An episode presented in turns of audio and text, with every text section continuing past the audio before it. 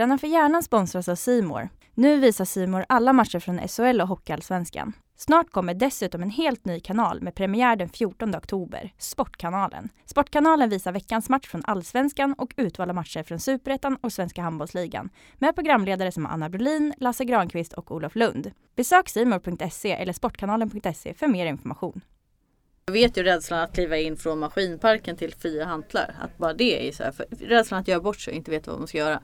Eh, så är det inte idag. Idag är gymmen liksom uppbyggda på så att det finns allt.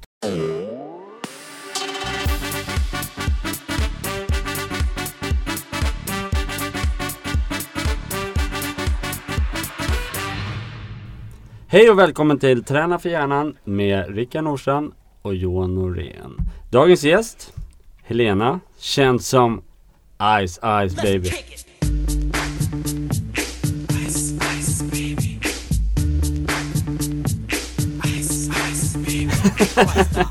Nej, hej Helena. Vad heter du efternamn för de som inte känner igen dig för gladiatortjejen?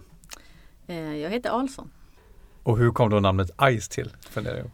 Åh herregud, alltså, det är länge sedan det här med gladiatorerna. Så ni drar upp det på. Ja, det kom till så att ehm, jag vet inte, redaktionen när vi var inne och pratade med dem och när det väl blev eh, liksom bestämt att vi skulle vara med så satt ju de och brainstormade. De har ju alltid en story om varje profil eller varje karaktär i, i gladiatorerna. Och eh, så även då med Ice skulle de ju ha någonting. Eh, och där satt de och brainstormade på vilka namn man kunde ha. Och egentligen så är det så att min kära vän Micke Sprites, som ni säkert, känner till väldigt väl, som också kom med i Gladiatorn det året. eh, Det var egentligen han som hade sagt att om du skulle vara med i Gladiatorn då skulle fan heta Ice. Eh, och eh, ja, där hamnade vi eftersom jag fick en sån profil som var lite lugn och cool. Och så, så blev det det. Men det lever vi kvar än idag. Ja men det gör Namnet. det. Det gör det faktiskt. Eh, Det är väl så folk kommer ihåg en lite grann. Vad ro, vad- ä- ändå kul. Man, man kollar på många av de här gladiatorerna. Som, många av de som är med har ju faktiskt haft någon karriär innan och sen har de en karriär efter. Men det som jag förstått är att har man en gång varit gladiator då blir man alltid gladiator. Är det inte lite så?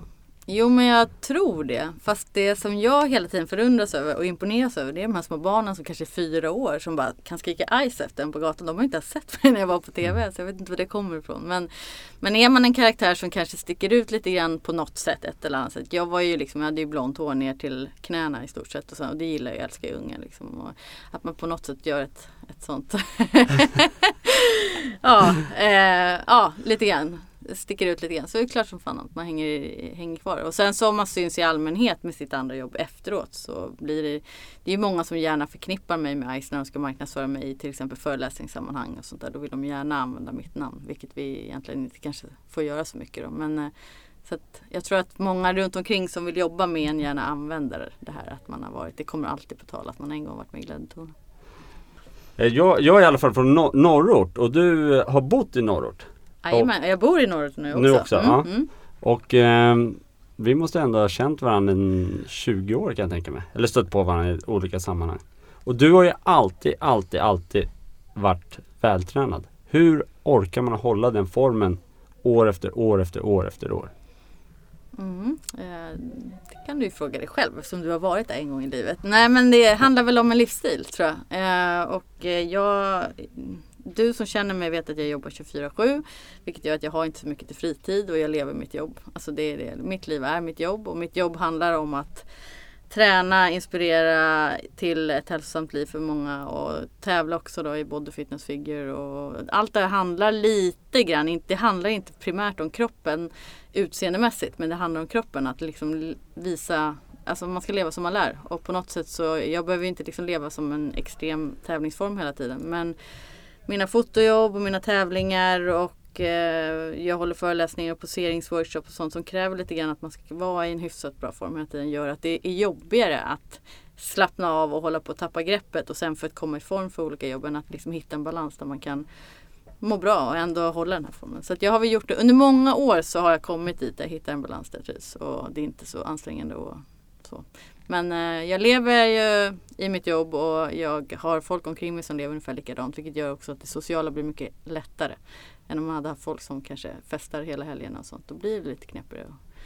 Men, men om man då reflekterar, det, det, du egentligen gör det är att du sätter dig själv i en situation så du är tvungen att träna och hålla dig i form. Om jag förstår det rätt. Jag har valt jag har valt eh, mitt jobb och min inriktning på det och då kommer det här på köpet lite grann. Det är väl, eh, är du ett fotbollsproffs så tror jag inte du bara kan ligga på latsidan eh, ett halvår och sluta träna för då kommer du liksom ta ett, ett år innan du kommer tillbaka. Och det gäller ju att underhålla det som man hela tiden eh, jobbar för. Sen vet jag själv att jag mår mycket bättre av att vara eh, Eh, i en okej form. Sen, sen tror jag så här att är man inte i den här branschen helt och hållet och tränar så här mycket själv då tycker man att jag är i form hela tiden. Men det är inte så att jag är i den här tävlingsformen som jag är just nu hela tiden utan jag kan faktiskt svaja upp 6 kilo fast folk tycker fortfarande att det är en bra form. Och då säger man gud du är i en sån extrem form hela tiden. Fast för mig är det ju inte det utan då när jag kanske lägger på mig 5-6 kilo off season då är, där är min balans. Liksom. Extrem tävlingsform är ju bara när man fotar och sen tävlar innan gladiatorerna? Hur, eller hur kom det sig att du kom med i gladiatorerna från första början? Vad har du för liksom bakgrund innan det? Så jag är gammal hästtjej, född på hästryggen höll jag på att säga, men sen jag var sex år. Så jag har alltid varit jätteaktiv. Ehm, och hållit på med det till jag var 21 då. 16 klev jag in i, i gymmet. Sen har jag hållit på med gymmet sen 16. Men jag, nej det finns, ingen, det finns ingen logistik till varför jag blev uttagen till gladiatorerna. De kastade massa folk och sen så de hade en, en ansökning till gladiatorerna att vara gladiator. Så hade de en ansökning där folk fick söka in till att bli utmanare. Så att vi var väl, jag vet inte, 300-400 pers till den här själva gladiator som de hade kastat och vissa hade sökt själva och sådär. Och jag tror att vi hade en man som heter Ove Rytter som är väldigt eh, känd inom fitnessbranschen som hade rekommenderat väldigt många. Och därav så tror jag att mitt namn kom upp. Men det mig handlar nog mycket om på att jag är så jävla envis och vilja. Jag har inga, jag har inga fördelar i övrigt att vara en gladiator. Jag är minst, jag är lättast, jag vet inte. Jag har inte hållit på med kampsport eller någonting. Så att, eh, ja. Men vad, du säger Ove Rutte, hade han ett finger med i spelet från början där? Han, han, han, har ju, han hade ju det från början. Ja. För liksom första eh, generationen gladiator, då var väl han med som kommentator där, som domare eller någonting. Så, att när de väl skulle starta upp där efter ett gäng antal år igen så var ju han ganska självklart tror jag för dem att liksom ändå ta upp och diskutera fortsättning med. Och jag tror att han var med och bollade fram massa namn då på oss som kunde vara tänkbara gladiatorer. Men hur ser din vardag ut idag då? Du jobbar ju mycket, du föreläser, eh, du tävlar själv, du har ett team. Eh, har du någon egen tid? Alltså vad, vad gör du när du inte tränar och föreläser och jobbar? Eh, äter och sover. Om jag har tur.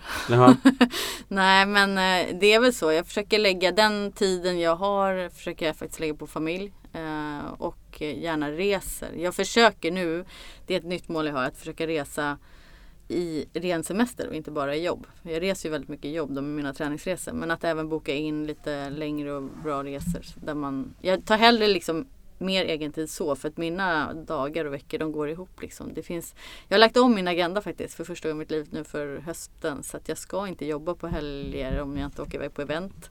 Jag ska sluta klockan fem. Men eh, vi får se. Jag ska inte börja klockan sex på morgonen. Så, nej men jag försöker väl eh, ta tillvara på mina vänner och familj och ja, så. Sen så finns det inte så mycket mer. Din erfarenhet här, vad säger den dig? Vilka är de vanligaste misstagen man generellt sett gör när man börjar sin träning och snabbt tappar motivationen? Eh, det vanligaste svaret på den frågan som jag kan hålla med om det är väl det här att när man väl tar det beslutet, om man inte är en människa av sig själv som tränar redan, är ju att man är toktaggad och ska göra en livsstilsförändring och man ska komma liksom, nu ska jag gå ner 20 kilo, pang. Där liksom, så har man taggat sig själv i, om man har tur, en vecka så man är så himla råtaggad så att man sätter igång 200 procent. Eh, mm. all in. Och sen så är det skador, sjukdomar, förkylningar. Någonting kommer oftast lite grann som brev på posten och då så går man, då faller det liksom. Då är det typ, nej men det här var ingenting för mig. Jag vart ju liksom. Och istället då för att börja successivt och långsamt och, och inse Först måste man ju faktiskt eh, vara realist och se var står jag någonstans. Jag kanske inte är på samma nivå som alla de som redan håller på och tränar utan man får börja, det kanske räcker med att börja med att faktiskt börja röra på sig, att röra sig utanför dörren.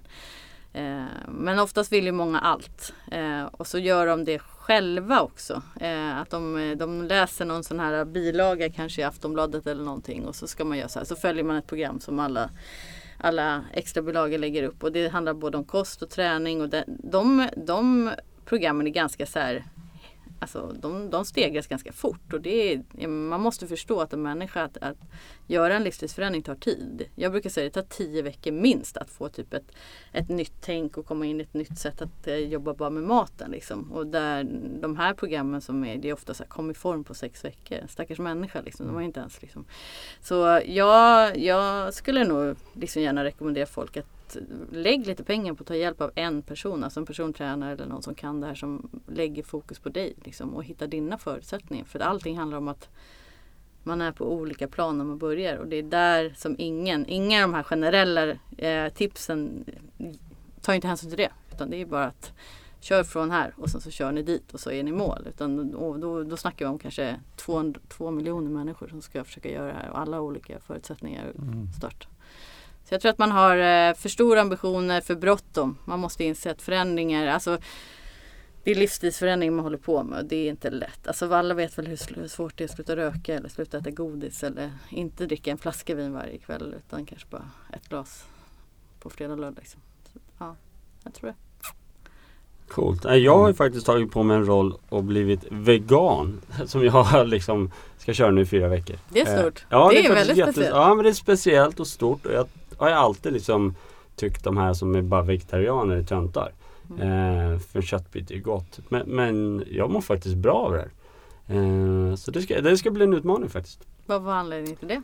Eh, jag såg en dokumentär på Netflix eh, och fick eh, en liten tankeställare. Så mm. jag tänkte så här, ah, men jag, jag vill testa. Och sen så vi pratade tidigare om att sätta upp mål och mm. nu har jag egentligen ingen mål med min träning så då tänkte jag ah, men då kanske jag ska sätta upp ett mål med kosten. Eh, Gör du det själv eller får du sällskap där hemma med Ja jag får sällskap hemma. Satan också. Ja men det fick jag. Så hon är ju också med på det. Då är det betydligt lättare. Ja exakt. Eh, så är det. Mm. Faktiskt. Vad kul, spännande. Mm, mm. Får se vad som händer. Mm. Ja men det är kul med sådana mm, utmaningar. Mm. Man lär sig väldigt mycket av sig själv ja, också. Verkligen. Jag har ju testat eh, som periodiskt, jag är ju emot alla typer av dieter som finns. Alltså så här konst, Atkins, LCHF, eh, jag var ju lite skeptisk periodfasta och allt möjligt också. Eh, men jag testade faktiskt den periodfasta för att det är någonting som många ändå har fastnat för. Det har hållit i sig och många mår bra av det. Liksom. Och då mm. tänkte jag, men om jag är ute och föreläser om kost och håller på att prata om olika dieter. Jag får frågan hela tiden. Jag, jag är lite så, jag kan inte prata utan, eller liksom säga att någonting är si och så om jag inte testat det själv. Så då körde jag periodiskt fasta under tre, fyra månader i en tävlingssatsning faktiskt. Eh, och jag, jag, klarade, jag gick i mål på den, alltså jag kom i form men jag insåg kanske Hur kan det, en så, sådan dag se ut då? Eller flera dagar?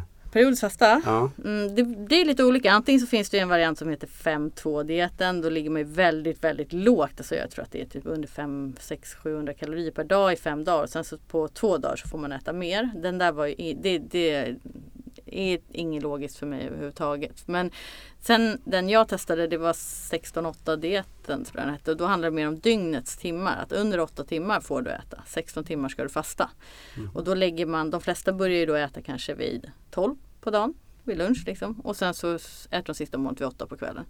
Och normala människor som går och lägger sig vid 10 funkar det jättebra. Liksom. Eh, jag som då under den perioden gick och la mig kanske vid 1-2 hade, var jag tvungen att skjuta fram det där. Så jag började äta vid 2 på dagen och då var jag typ som, jag var, jag var skakig i kroppen. För normalt, äter, jag, normalt äter jag var tredje timme. Så det var ganska tufft. Men man vänjer sig också. Så att, eh, det, ja, det är roligt att testa och det är roligt att få erfarenhet för då kan man prata om det också. Mm. Du som åker runt och föreläser och så. Alltså, det är många tjejer där ute som har en skev bild och förebild just på hur man ska se ut i kroppen. Mm. Att, och just nu pratar om att äta. De liksom, istället för att träna så skiter de i att äta. Mm. Eh, hur mycket äter du nu med den här formen som du är? Um, ganska mycket faktiskt. Det är faktiskt en sak som jag tror att uh, majoriteten även i den här branschen när de går på en tävlingsdiet gör som du säger. Att de är hellre så att de börjar katta ner maten och spar på energin i träningen. Då behöver du inte köra så mycket cardio. Så jag är väldigt stolt över att man, nej men jag kör inte så mycket cardio utan det här funkar ändå.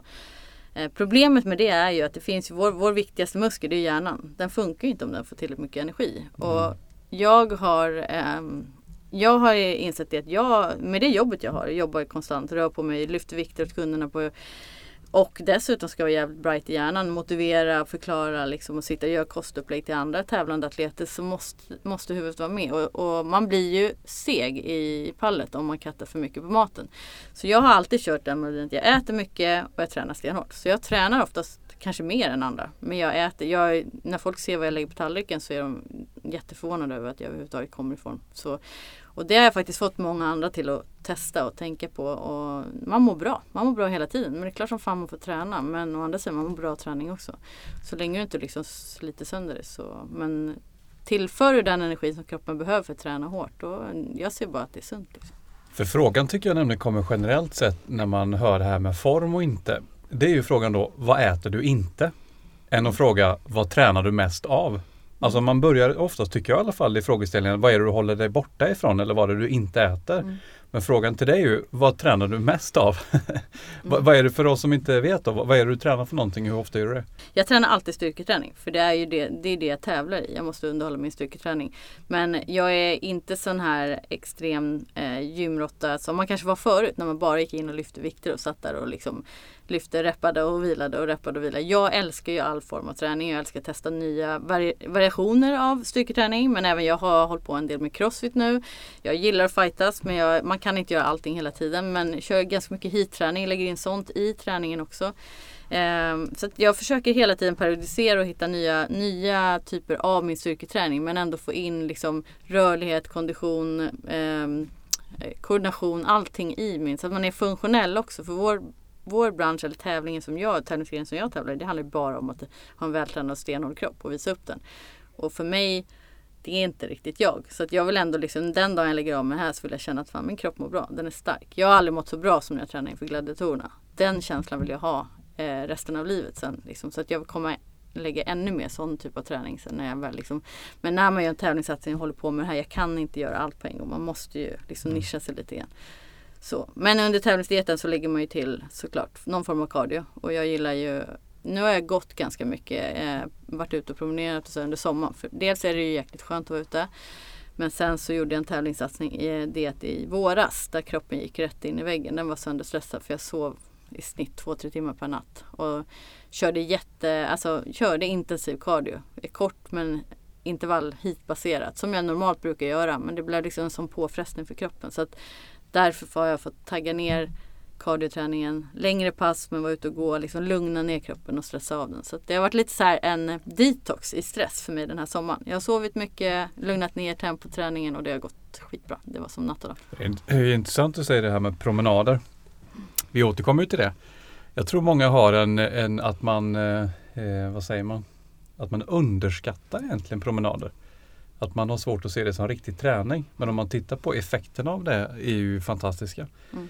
Um, bara det för många att få komma ut och få sol i ansiktet och få känna doften av skog. Eller liksom man, man får många effekter av det också. Mm. Kan du berätta lite mer om det här med promenader? Hur, hur menar du att liksom kroppen svarade på du säger stressa av. Mm, alltså jag, jag tror ju, jag pratar mycket om samhället när jag pratar om eh, det här hur kroppen mår och hur vi mår idag kontra förut. Alltså hela samhället är ju sönderstressat och det, även maten vi får i oss är inte perfekt. Liksom. Det finns mycket som sliter på kroppen i dagens samhälle och där tror jag att Eh, går du dessutom in till eh, gymmet eller träningen och ger 200% hela tiden. Det kan man göra, man måste göra det om man är elitsatsande. Men jag gör det i min styrketräning. Skulle jag då känna att sömnen är, är kass och sen så pressar jag kroppen till max även på min kardioträning. Det är som att köra den rätt in i väggen. Man måste liksom mm. någonstans hitta ett, ett lugn och inte, du kan inte ligga på 200 i puls hela tiden. För att, eh, jag brukar säga det, nu pratar vi om hjärnan, men jag brukar säga om hjärtat, liksom, det har bara ett visst antal hjärtslag per liv. Och eh, ska du hela tiden pressa den då blir inte livet himla långt.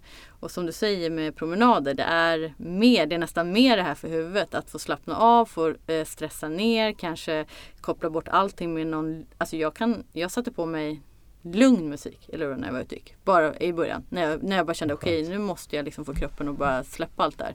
Det tog veckor men jag var ute och gick i typ till lugna favoriter. Nej men du vet sådär och var helt mm. så lite flummig. Men, men det hjälpte liksom. Så att, eh, mentalt tror jag att det gör stor skillnad. Och mår kroppen bra och inte är stressad inifrån så kommer den också svara mycket bättre. Det där har vi ett jättestort problem med i vår bransch. Att det är så många som stressar kroppen för hårt så att den blockerar sig själv. Antingen svälter man sig själv eller så kör man för hårt och till slut kommer man till en gräns där kroppen inte svarar längre. Och då, det, då de flesta som inte kanske har riktig kunskap eller erfarenhet. De stressar kroppen ännu mer då och bara, men måste köra ännu hårdare, ännu mer träning. Till slut så den, de ligger liksom på ett minus på, de äter inte ens liksom upp det de tränar för liksom. Mm. och då, då blir det block.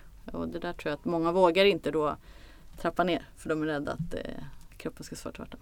Mm. Om man pratar idrott generellt då är det ju bra att ta ut sig. Kräks man efter ett pass så är det positivt för då mm. går man över gränsen och så man får bättre effekt. Men nu börjar man ju se mer och mer, det kallas för stressrelaterade frakturer mm. som sätter sig i kroppen. Mm. Att stress har ju en tendens att bilda överbelastning. Mm. Men i träningsform så är det fortfarande inte en negativ klang för det heter det rehabträning. Men inom liksom arbetslivet heter det sjukskrivning. Fast innebörden för mig är ändå snarlik för det är ändå att du har gått över gränsen på något sätt. Och, och, vad, vad, säger din erfarenhet där som har tränat mycket och länge? Hur kan man göra för att hålla en nivå där man inte går över gränsen i sin egen träning? Alltså det är intressant att du säger det här för det har faktiskt hänt mig ganska nyligen. Jag eh, 2015, vad är det, två år sedan, eh, i maj så brakade min rygg. Eh, och eh, det bevisligen berodde på när jag kom in till läkarna sen. Jag föll ihop totalt, liksom kunde inte stå. Jag fick ett tvärhugg i ryggen och fått en, en, eh, en skada nere L4 L5 i kotorna där.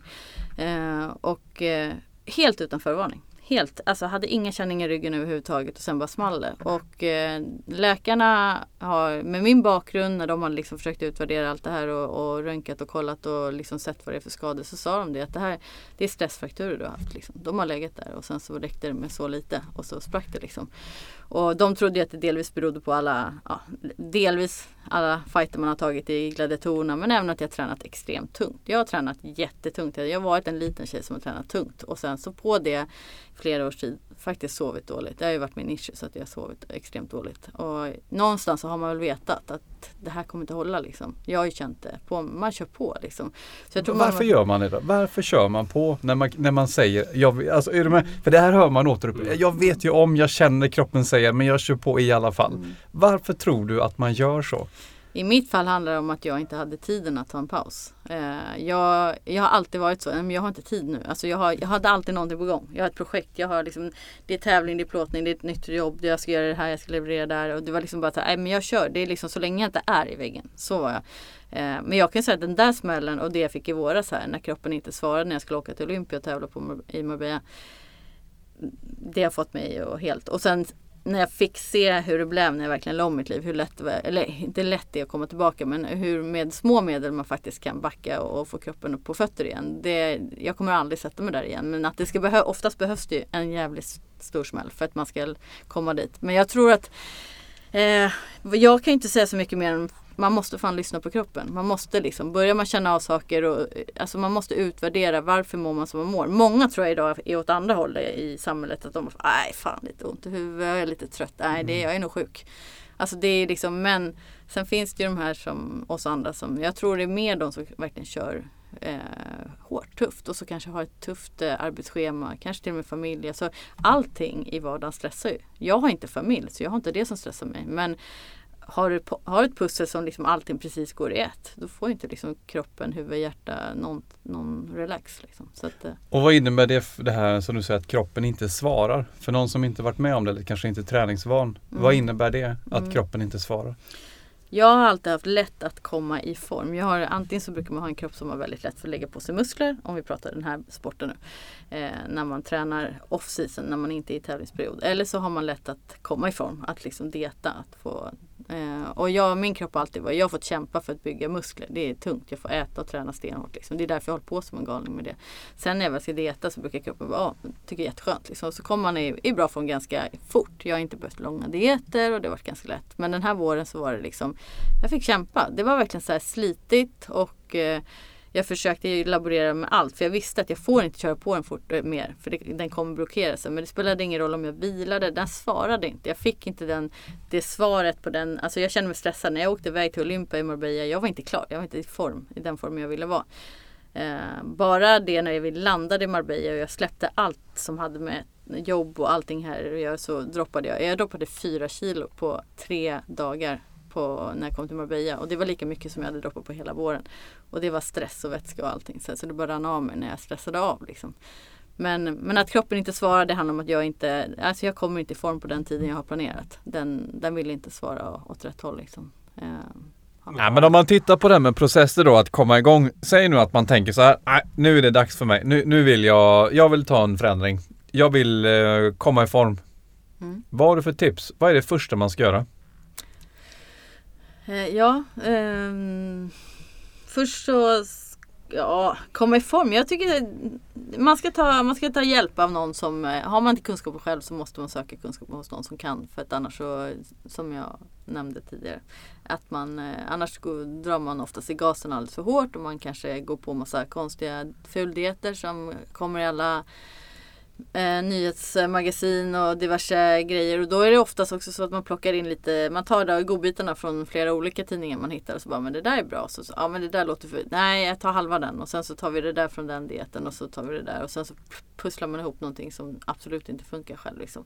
Så att ta hjälp, det tycker jag är liksom, idag finns det ju det, alltså personlig tränare, coacher, hälsovetare, kostfolk, eh, kanske polan eller någon som har gjort en sån resa förut. Det behöver inte vara någon man anlitar. Eh, sitter ju oftast på jättemycket kunskap och erfarenheter som kan tipsa hur man sätter igång. Liksom. Och sen så starta långsamt, skynda långsamt, ingen hets. Och gärna med en träningspolare eller någonting om det handlar om att röra på sig eller att göra en förändring. Det är alltid lättare att göra det med någon. Får man inte med sig den där hemma så kan det vara, då är det nästan ännu viktigare att ha någon att göra den här resan med. För att eh, det kommer komma motgångar.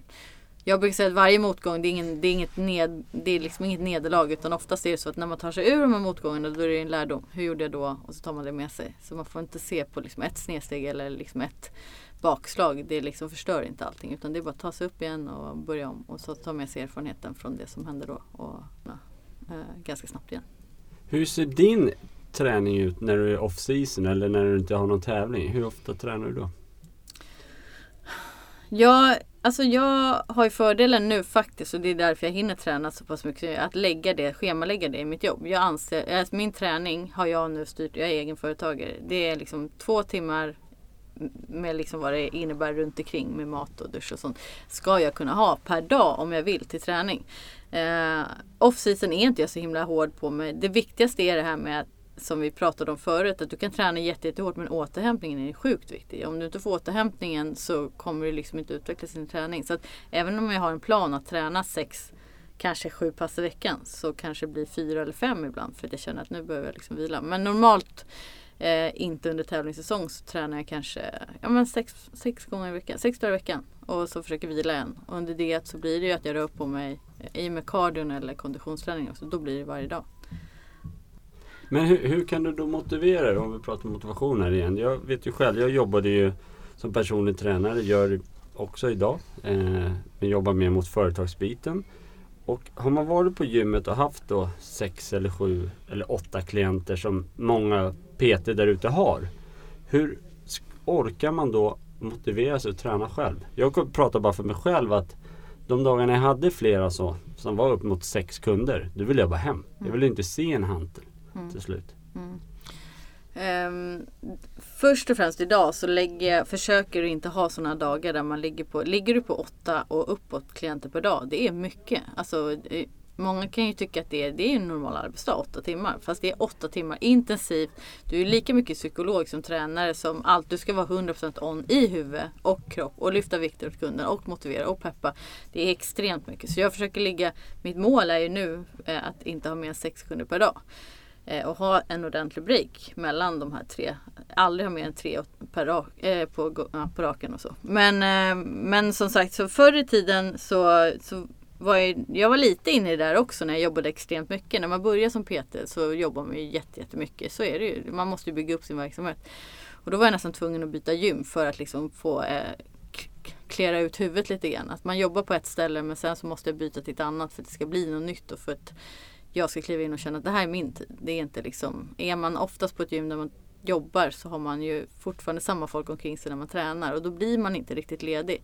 Och jag älskar att träffa och prata, prata med folk och träffa folk och sådär men som du säger, om man är, speciellt om man satsar hårt på sin egen träning så är det viktigt att få sin egen tid. Så att, eh, men idag så är jag ju på gymmet och i Liljeholmen och jag älskar det stället och tränar där själv. Men jag tränar alltid med någon så att när jag väl är klar med jobbet då kommer min träningspartner som oftast ligger på min egen nivå i träningen eller ännu högre upp och vi har ofta samma eller liknande mål. Så att vi, då är det så här, då, då är jag astaggad. Men den dagen när den människan kanske är sjuk eller bortrest, jag känner direkt hur det blir liksom, jag måste ha en plan för mig själv när jag går in i gymmet och ska göra min träning. För annars så, så kan motivationen brista lite grann. Mm.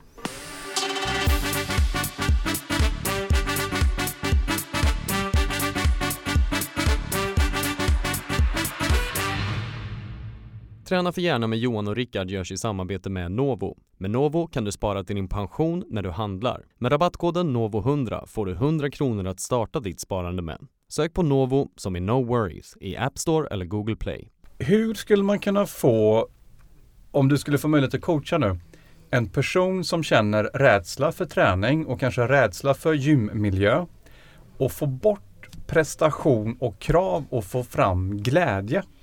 För, för, min tolkning är att man ibland känner en rädsla för gymmet och vara nybörjare. För man är liksom rädd att komma dit och inte vet hur man ska göra och du vet man är rädd att om jag gör en övning fel så kommer folk skratta åt mig mm. i vuxen ålder. Mm. Och det gör att man liksom, nej men man klär på sig lite koftan och tänker att nej men det är ändå inte jag. Eh, först och främst vill jag bara säga det att eh, gymmen idag är inte som gymmen förut. Förut var det bara styrketräning. Man gick in och man har den här bilden att det var bara stora klossar som satt där och grymtade i någon hörna och speglade sig och vara lite så här, ja men det. Och jag förstår framförallt kanske som tjej att kliva in. Jag vet ju rädslan att kliva in från maskinparken till fria hantlar. Att bara det är så här, rädslan att göra bort sig och inte veta vad man ska göra. Eh, så är det inte idag. Idag är gymmen liksom uppbyggda på så att det finns allt på ett gym. Du kan liksom hitta, du kan göra din träning i en hörna där det finns mer funktionella bitar. Det finns mattor, det finns bollar, det finns liksom box, eh, boxar och, och det är ändå så här, har man lite fantasi eller kanske till och med bara gått in på Youtube eller Google och, och hittat lite övningar hemma så tar man med sig det till gymmet. Då är det ingen som tycker att du är konstig där. Man måste ju börja på den delen där man känner sig bekväm. Det kan till och med vara så att ett löpband eller en cykel, det kan alla veta hur det fungerar. Det är liksom, eller så frågar man hur sätter man på det här. Och då kan man börja med att man tar sig till gymmet och faktiskt är på en bekväm plats där man trivs. Eller trivs kanske man inte gör men man tycker att det här kan jag i alla fall. Och sen så kanske man avslutar det passet med att okej okay, nu har jag gått en halvtimme på det här löpande. Nu tar jag en övning så jag vet. Den här har jag kollat upp hemma. Och så det kanske är, eh, man, man, börjar med mage eller man kanske sätter sig i en bröstpress eller kör en hantelkör med hantlar eller med en stång. Och då har man gjort det, går man därifrån, fan, fan jag klarar det här. Och sen nästa gång då tar man en annan övning, tredje gången kanske man sätter ihop de här två. Till slut så har man faktiskt en liten bank av en egen. Och där finns det, det gäller ju bara egentligen att söka på Google, nybörjarträningsprogram på gym eller någonting. Eh, och så, så till och med se bilder på allting. Och så tar man, ta inte hela programmet om det är jobbigt och liksom ta med sig det och gå med ett papper om man tycker det är jobbigt. Ta en övning med sig till gymmet och så får man liksom bygga upp det successivt. När är nästa tävling för dig? Mm, pass. Nej men eh, jag har, alltså officiellt så har jag faktiskt inte sagt någonting än och bestämt mig. Men jag kan säga att jag funderar på och det ligger i planerna om allting fortsätter så bra som det gör med min kropp. Eftersom jag nu är kompis med min kropp så lyssnar på den. Så då är det SM eh, om fyra och en halv vecka i Västerås. Då är det både på veteran och senior eh, scen. Så det blir två, två dagars. Och vad tävlar man då? då? I vad tävlar, Menar heter, ålder? Eller nej, nej, body fitness ja. heter det här i Sverige. Det. Och det innebär att man ska försöka få fram konturer på kroppen och visa upp för Ja, det finns ju olika nivåer på det här då. Men bodyfitness ligger, det finns ju bikini fitness, då får du inte alls vara hård eller någonting. Utan, men du ska vara vältränad, man ska se att man tränar, vara väldigt söt och vacker och charmig. Och sen så finns det bodyfitness, där krävs det ganska mycket. Du, muskler och hårdhet, fast du får inte vara tokrippad. Där är en ganska svår balansgång på hur man ska, i Europa kan vi vara snorhårda som sten och när jag åker till USA så måste jag hitta en balans, där får man inte vara för hård. Sen finns det ju Women's fysik och byggning. Då kommer vi upp till de här som ser ut som röntgenplåtar. Så att jag ligger någonstans mittemellan där fortfarande måste vara kvinnlig. Du måste ha hela paketet. Men det är bara... helt enkelt en bedömningssport. Du kan inte påverka dig själv. Nej, det är en hundutställning kan man säga. Ja. Mm. Men vad ska man ligga på i kroppsfett? Nu är du fruktansvärt deffad.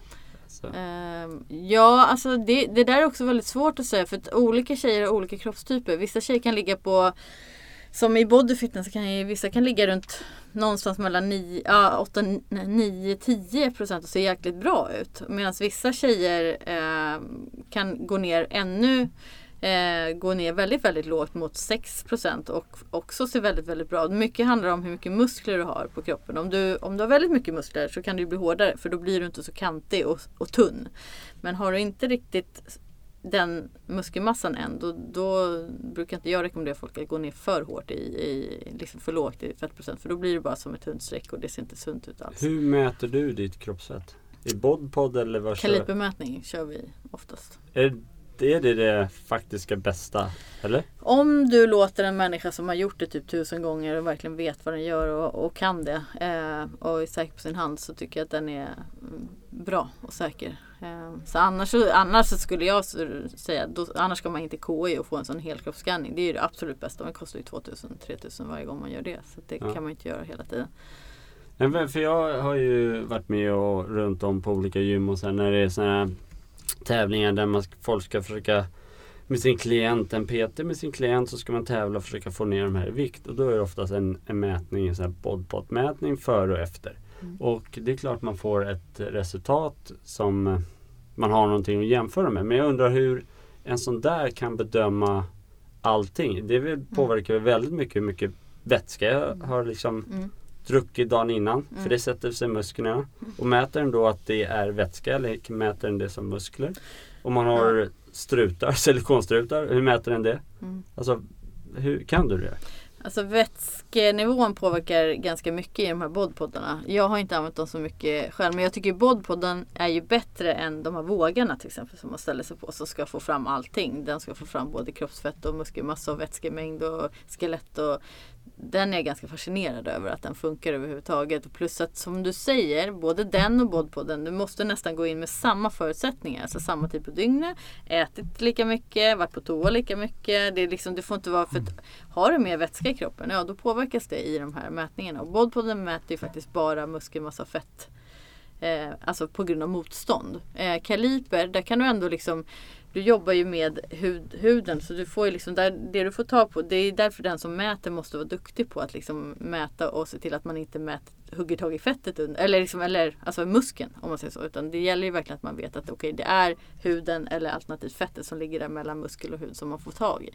Så att det är långt ifrån alla som kan göra en bra kalibermätning och det är också långt ifrån alla man kan göra den på. För är du för kraftig och har för mycket kroppsfett då är det jättesvårt. Vi snackar millimetrar på mått på måttet där och då ska du mäta på låret på någon som är otroligt kraftig. Det går ju inte liksom att få ett exakt eh, då måste man lite snällt säga det också. Att det här är inte du har fått hoppa in i boddpodden. ja fast det skulle ju vara intressant att faktiskt åka och göra en sån här. Uh, ni borde ju kunna få en liten spons och få åka på KI och få en riktig scanning. Då får man ju allt, allt, allt. Hur skelett och hur allting mår i kroppen och pH-värden. Och har du gjort en sån? Jag blev erbjuden men som vanligt så har jag inte haft tiden att ta mig dit och göra det. Men jag skulle mm. jättegärna vilja göra det också. Okay. Mm. Det låter jätteintressant. Säg till när ni ska åka så åker jag med. För mig nu kanske som lyssnar så det är inte aktuellt för mig att tävla och det är liksom inte aktuellt för mig att komma kanske i den formen. Eh, och i min värld just precis nu jag tänker att om, liksom, om man tänker på det här med må bra. Mm. Det kan vi ju inte mäta i procent varken ruta in eller eh, ringa in eller ruta in utan det, det är ju mer liksom kanske andra värderingar. Hur tror du att man kan mer skapa en, en, eh, alltså en må bra-känsla runt träning? För mm. tolkningen är att man ändå är duktig på att slå på sig själv. Ja, men jag är ändå inte si, jag kan ändå inte det och det är ändå ingen idé för att hon och han och de och det är mycket, mycket bättre än mig. Alltså för att man jämför sig. Mm. Alltså det är ju jättelätt att jämföra sig med dig nu och säga att man är ur form. Men liksom frågan är, är man ur form mentalt eller fysiskt? Ja, det mm. beror ju på hur man ser det. För är man i jämförelsefällan just nu då kanske man är jätteuform. Mm. Men hur kan man mer jobba med de inre värderingarna genom träning tror du? Alltså genom självförverkligande och självförtroende och självbild och självtillit och alla de här bitarna. Um, alltså inifrån och ut ja. istället för att bara titta spegel och tillbaka. Men det jag ser, är det smalt så är det bra och det är inte smalt så är det inte. Alltså du förstår vad jag menar? Mm. Utan att man, går, att man vänder på spegeln inifrån. Mm. Ja, alltså den mentala biten är jätteviktig. Mår du inte bra i skallen så kommer du aldrig må bra på grund av att du tränar heller. Alltså det, allting handlar ju om hur faktiskt man mår i, i psyket först och främst. Och psyket kan du må bra av att du rör på dig. Du kan ju hjälpa dig själv i huvudet och välmåendet för att du rör på dig. Och ofta så ger ju träning i sig ger ju endorfiner, adrenalin, en må bra-känsla. Jag har klarat det här. Allt det där boostar ju huvudet och, och sig själv. Och sen eh, tycker jag, alltså det här är bara ett budskap utåt. Jag tycker inte att när jag är i tävlingsform så är det absolut inte den bästa och snyggaste formen. Utan den snyggaste människan som finns, det är ju den som mår bra och är stark och liksom mår bra i sin kropp. Och det finns ju lika många olika kroppar som det finns människor. Så Mm. att allting handlar egentligen om att du kommer aldrig, jag tror aldrig du kommer hitta det här att du mår så jäkla bra i huvudet och bara har ett flow i livet om du bara jagar ett yttre. Utan det är liksom, det är känslan. Att liksom hittar man en träning som man går ut därifrån och bara Åh, Gud vad jag mår bra. Man kan vara nästan på botten när man kommer in och så går man ut och man är välfylld av energi. Då har man hittat rätt. Funkar inte det efter typ x antal gånger, ja men då har du inte rätt. eh, Alltså träning behöver inte vara gymmet. Träning kan vara att gå och dansa salsa. Eller att faktiskt bara gå ut och Jag hade en tjej som jag coachade en gång. Hon älskar att dansa. Hennes diet gick ut på cardion där. Det var ut och dansa salsa på fredagskvällen och lördagskvällen. Så det var liksom sådär. Hon, det var hennes intresse. Jag tvingade inte ut henne på massa andra grejer. Så jag tror det handlar om att hitta, hitta någon Hitta en eh, aktivitet, en fysisk aktivitet som du tycker är riktigt rolig. Se inte det som träning utan se det som en rolig hobby och sen så kommer det, då tror jag att det, kommer bli någonting som man tycker om att göra. Och så helt plötsligt bara, det är ju träning liksom. Fast man behöver inte tänka alltid som träning. Kul ändå att du säger just fysisk aktivitet. För många kopplar ju med träning men det man inte tänker på att det man tränar på oftast blir man ju bättre på. Mm. Och tänk dig om träning, fysisk aktivitet som du säger, det man har roligt får man roligare av. Och har du jäkligt mycket skoj då är det svårt att må dåligt. Mm. Det handlar ju om att sätta sig i roliga eh, liksom sammanhang och sällskap kan man säga också. Men jag, jag och, och tvärtom, jag kan få frågan också sådär. Jag hade hund förut, en, en stor som krävde mycket motion. Och var ju ute med han varje morgon och sen gjorde min träning. Och där kunde jag ju få frågan och många kunde tycka så här. Och de kopplar väl det lite mer. Det var ju den perioden då jag var i väldigt bra form hela tiden. Men Helena, alltså, du måste du gå ut och träna så många. Du, alltså du är ute på morgonen och så kör du träning på kvällen. Och, fast då är jag så här, fast det där på morgonen är inte träning för mig. För, för mig som är van att röra på mig jättemycket, att gå ut och ta en promenad, det är mer välmående. Det mår jag bra. Det boostar mitt, alltså jag, det startar hela min dag. Jag, alltså, den dagen jag får röra på mig på morgonen och komma ut där, jag mår så mycket bättre resten av dagen. Allting är liksom, och så är det fortfarande. Medan en människa som kanske aldrig rört på sig, då blir liksom en fem minuter, tio minuters promenad, det blir liksom världens träningspass. Man, det är lite beroende på vad man, åt vilka håll man ser det liksom. Verkligen. Du som jobbar med träning och har dina klienter och sådär. Hur, hur Jag vet ju att det har hänt, för det har hänt mig också, att folk vill träna med, det, med mig eller med dig för att du är den du är. Genomskådar du och, säger så här, nej men vet du vad? Du, eh, du missköter träningen, du håller inte tider. Så här, är du liksom avvisande och säger så här, nej men det här passar inte. Eller tar du in dem och försöker liksom att, Som kunder menar du? ja som kunder. Jag vet inte. Jag försöker nog. Om jag märker att jag har en. Man märker ju oftast det på grund av att de kanske inte har några direkta mål i sånt fall med träningen. Först är det jävligt ball och kanske. Och nu ska jag få träna med den här människan. Men eh, där försöker jag, jag. Jag sparkar inte ut dem utan jag försöker skapa målsättningar för dem. Och, och förklara att det är viktigt för mig.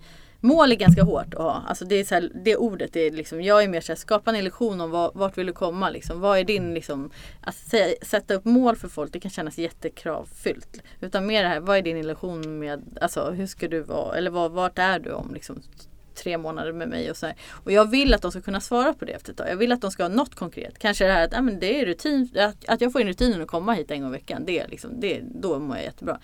Men om jag inte får en människa till att någonstans hitta ett gemensamt mål då, eh, då, då kan jag kanske ifrågasätta lite grann att vad är grejen med att, att betala så mycket pengar för min hjälp om du men det där, jag har nästan aldrig varit med om att jag liksom inte fått folk att ändå ha någon form. av. Man får in dem, man styr in dem på liksom att de har en mening med att vara där. Förutom att bara stå och ta en selfie med mig. Liksom. Det känns så här, jag vet inte. Sen är det deras pengar men jag kan bli stressad när jag, har, eh, när jag märker om det är en människa som bara egentligen bara vill sitta och snacka skit på ett pass. Liksom. För jag känner så det är, det, är, det är inte det jag är bra på. Jag, jag får inte ut det som jag är. Jag vill ju kunna hjälpa människor. Man vill kunna visa upp ett resultat. Ja, Men faktiskt. Någonstans i alla fall. Och sen vad resultatet är, det måste ju den bestämma själv. Vad, vad den vill ha för resultat. Liksom. Men, Vilken är den vanligaste framgångsfaktorn då? För de som du ser som är konsekventa med sin träning. Vad är det de gör ofta för att få liksom, för att hålla, som du säger, vanorna, vanor utav träning? Eh, jag tror att eh, gud, alltså om man nu Jag tror just det här att inte tappa greppet om man tappar greppet om man säger så. Just det där att klara av att vara flexibel och vara förstående och kompis med sin kropp lite grann. Att man faktiskt kan acceptera att man får ett nederlag, att man blir sjuk eller någonting men att man inte ger upp. Utan att det är inte hela världen. Utan det kanske tar en, två veckor om man är borta. Men då är det många som ger upp där då. Då har man mm. tappat allting. Fast det är inte så. Alltså det är, och en gång är bättre än, än ingen eh, att röra på sig i veckan. Och även om man målar att röra på sig tre gånger. Man får liksom inte, de som klarar av det och sen även vara flexibla. Man behöver att anpassa träningen efter dagsform också. När man vaknar upp så är jag ganska mycket. Man vaknar upp på morgonen och man kanske har en ambition att man ska klara det här och här och man ska träna så här hårt den dagen fast man vaknar på helt fel sida för kroppen är trött. Eller, där gäller det ju också att lära sig, är det motivationen och huvudet på det sättet som inte vill eller är det att kroppen faktiskt är jäkligt trött? Och när man lär sig den känslan så kan man anpassa sin träning eller aktivitet den dagen och ändå komma hem och känna att fan, det var ett bra pass. Går det som professionell body fitness, heter det så? Både fitness ja. ja. Mm. Att livnära sig på det. Som en hockeyspelare till exempel. Att man liksom tjänar en bra årslön. Går är det några i världen som kan göra det? För oftast är det en drivkraft att träna och liksom se. Det här är ingen sport som du du blir absolut inte rik på det och det finns några få i världen som livnär sig på det. Det är de stora proffsen i USA som får liksom en, vi kan snacka prispengar på 200, flera hundratusen på en tävling. Eh, men det är inte tävling, som jag nämnde tidigare, det är inte tävlingar du tjänar pengar på utan det är sponsorer och det är typ fotojobb eller eventjobb som man konstant åker runt på hela tiden. Det är där pengarna är. Själva tävlingen är inte det. Så att tävlingarna gör ju att du får sponsorer kanske. Men sen är det, handlar det om, och i Sverige nu, nu börjar det bli liksom det här eh, att man kanske får betalt av sina sponsorer. Förut var det mer produkter, det lever du ju inte på. Men i och med allt, hela den här bloggvärlden, Instagram, vi har ju några kända eh, söta töser som liksom är fantastiskt framgångsrika i hela sociala mediesvängen. Fast de idrottar inte ens. Eller, utan, men de får ju jättemycket pengar inom den sociala mediesvängen. Och där tror jag att det handlar mycket om vem man är utanför det här. Hur man är ut mot folk. Det är så sponsorer. Så det är sponsorerna som egentligen gör att du kanske kan leva på det eller inte. Eh, vi är på väg in att vissa av oss kanske kan få lite pengar för det man gör. Men jag tror att vi får vänta många år till innan man kan bli liksom, tycker att man kan leva på det. det är inte, man ska inte in i den här branschen om man vill känna att eh, man blir en golf, golfare. Liksom. men, men jag, du sa det tidigare, jag vet inte om, om micken var på här då. Men du sa att då ofta när du åker iväg till en stor tävling så här, försöker du tajma så du har ett fotojobb eller någonting på plats. Mm. Eh, för att ja, få, få en liten summa pengar. Är, det så man får göra för att liksom hålla idrotten i, i schack? Eller Ja, alltså nej det är inte så att du tjänar pengar på fotojobben heller. Så det är inte så att eh, bara för att du får till en fotning i samband med din eh, tävling i USA eller i Spanien eller något så har, har du fått betalt, eller resan och tävlingen betald. Absolut inte. Det är väldigt sällan folk får betalt för plåtningar i den här branschen. Det är mera återigen, det är marknadsföringen och, och jobbar med bra fotografer så kommer du ut i, speciellt framförallt i USA kanske, så får du marknadsföring där borta vilket kan gynna dig i sociala medier, kan gynna dig som profil och gynna dig i steg 2-3 med sponsorer och, och sånt. Alltså det är inga stora pengar där heller. Det är som, det är som eh, inte som i modellbranschen där får ett gig för en, en tidning eller ett klädmärke något så får du bra pengar. Där kan du förhandla liksom. Det, så jobbar man inte Väldigt sällan, väldigt sällan i den här branschen. Ja. Men du har tro, trogna kunder, för Better Buddies har ju du kört så länge jag kan minnas i alla fall. Mm, det är en av mina första sponsorer faktiskt. Så de har varit med sedan 2005 då. Sen jag började tävla. Den samma dag som jag Det är impo imponerande. Mm. Ja, nej men det är, jag, jag jobbar hellre med få eh, och Eh, ett större och tajtare samarbete som jag gärna, jag brukar, jag brukar säga det när jag inleder nya samarbeten. Det är som en relation, det är som typ nästan att jag gifter mig med företaget. Jag vill kunna känna så. Mm. Eh, och jag vill ha den tron från dem till mig också. Så nu har jag faktiskt, eh, NJ är också väldigt eh, tajta med och Smart Shake. Jag har ju några stycken som jag verkligen jobbar tajt med. Och de har jag jobbat med. NJ är ganska nytt men de satsar stenhårt på mig. Och, och känner jag det från dem de? så Enya är ju de som har ProPud-produkterna och Okej. puddingarna och ja, de här nya kvargsåserna. Och, och det är ett ganska stort mer Svensson-företag. Det är inget fitnessföretag. Så jag var jätteglad när de kontaktade mig faktiskt. För jag vill ju någonstans jag kommer inte vara en fitnessstjärna hela mitt liv. Men jag kommer ju behöva jobba vidare inom det här. Och jag vill jobba mer och mer ut mot alltså, gemene man också. Och då är det ett jättebra företag att jobba med. För de vänder sig verkligen till ja, stora Svensson. Så att, eh, ja. Hur mycket jobbar man med rörlighet i det som du gör? Behöver man vara Eh, vid? Ja, extremt mycket. Eller man jobbar inte mycket med det, men man bör göra det. Eh, Jag är jätteduktig på det när jag går in på en tävlingsdiet, en tävlingssatsning. Då stretchar jag och, och kör mobilitetsträning varje dag. Eh, sen kommer en sån här period, det är som med allt, det är som med kosttillskott. Jag hatar kosttillskott. Och bara ta liksom omega-3 piller nu liksom. Det tycker jag så här, så när jag släpper en tävlingssatsning och bara orkar inte göra någonting. Och då får man ett helvete när man ska börja rörlighetsträna sen igen. Men eh, det behövs jättemycket i det här. Det är, är det någonting som är jätte, det är sista tiden nästan det är viktigare än den andra träningen. För att kunna flexa och, och få ut muskulaturen och vara rörlig på scen. När kommer du ta an mig och Johan? När får vi komma och träna med dig? När vill ni? Det kommer bli en utmaning. ja, det kan man säga. Ja men lätt. Om du tränar mig i lite boxning så. Ja, det kan vi göra. Mm. Absolut.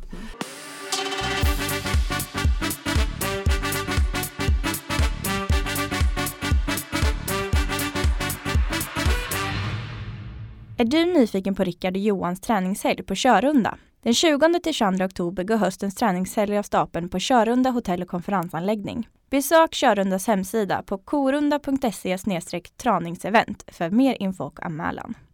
Om man lyssnar nu och känner att ah, nu är jag på gränsen på att komma igång här. Har du tre stycken tips på liksom motivation här nu? nu jag, jag är så nära på att komma igång och börja träna. Har du tre heta tips? Mm. Eh, håll kvar vid den känslan. Bra. Tappa inte den. eh, ring upp den första människan du tänker på som kanske skulle tänka likadant. Skulle kunna vilja haka på dig och, och styra upp så att ni är två. Och eh, eh, ta, ta tag i det. Börja idag redan. Nu när du har känslan i det. Så om du inte kan göra någonting annat än att gå ut och gå så gör det. Liksom. Alltså vänta inte. Snyggt. Grymt. Jag vet ju att du har en träningsresa i december. Berätta. November. I eller november, förlåt. imorgon eller november. Vad vill du? November. November. Thailand. Ja. Ja. Eh, nytt resmål för mig faktiskt. Vi åker till Phuket. Eller Phuket. Som, Ja. ja. och eh, det är tillsammans med en kollega som jag haft 12 resor med tidigare. Som jag nu åker iväg med imorgon också. Eh, och sen även en ny kollega Boris då. Som, eh, Vi tre är väldigt olika. Kompletterar varandra fruktansvärt bra tror jag. Eh, jag är väldigt mycket inom det här med träna med kroppen, eh, styrketräning, mobilitet, kost, allmän hälsa, eh, motivation. Vi har Jola då som är ehm, extremt duktig inom, nu får jag inte säga crossfit för men han kör funktionell träning och mycket crossfit-liknande träning. Och otroligt duktig massör, prehab, rehab. Och sen har vi ju då vår nya stjärna Boris som många känner till. Han tränar ju väldigt många kända fighters, golfare, står ju bakom extremt många olika titlar här i Sverige och har även eget gym och har drivit massa olika klubbar själv, så, eller gym och anläggningar. Också duktig inom det här med 3D, funktionellt, eh, jobba med kroppen i olika vinklar, mobilitet, rehab, rehab. Så att jag tror att vi kan liksom eh, eh, komplettera varandra med all typ av träning. Så och sen, eh, ja, sen åker vi iväg, det är all inclusive, det är jättestort träningsmäcka, ett hotell som är verkligen så här, vi har allt på plats där. Eh, Och vad är inriktningen på träning? Vad, hur kommer en dag se ut? Eh, det kommer ju vara liksom från morgon till kväll så finns det olika eh, typer av eh, träningspass. Vi kommer ju alltid börja dagen med liksom någon form av, eh, den får jag alltid stå för för grabbarna ska ju sova. De står ju på kvällsaktiviteterna. så att det kommer ju bli någon form av, det kan vara så morgonpromenad, det kan vara någon form av eh, lättare cirkelträning, bootcamp på morgonen. Man ska liksom mjukstarta lite grann och eh, det kan lägga in lite stretch mobilitetsträning, eh, yoga liknande efter det. Och sen är det ju frukost, det kommer vara någon föreläsning. Och sen ligger det ju en tre, fyra pasta kanske under dagen som är då någon form av, kanske någon form liknande med MMA-boxning och sen har vi någonting som vi arbetar med kroppen, styrketräning, crossfit eller någonting. Och, och sen är det mingel och lite så här eh, festliga sköna aktiviteter på kvällarna. Och så någon utflykt här och där. Så vi kanske då liksom drar iväg och förhoppningsvis får göra något. Jag älskar ju vattensporter och gör lite galna grejer. Att man kanske gör något sånt eh, en dag och sen så åker och ser en annan del av Phuket en annan dag. Så det mesta finns ju faktiskt på då Apollos hemsida. De har ju, Mm. det är ju ehm, Det är Tenjapura va? Sporthotell. Ja, jag har ju faktiskt aldrig varit där på plats än. Jag har varit där, jag tycker Ja. det är fantastiskt. Mm. Multifysveckan heter Ja. den ju på Apollo om man nu skulle vilja säga. Eh, stort tack att du tog dig hit eh, och kom och pratade med oss. Tack Stort själva, tack. det var skitkul. Ja. Kram kram!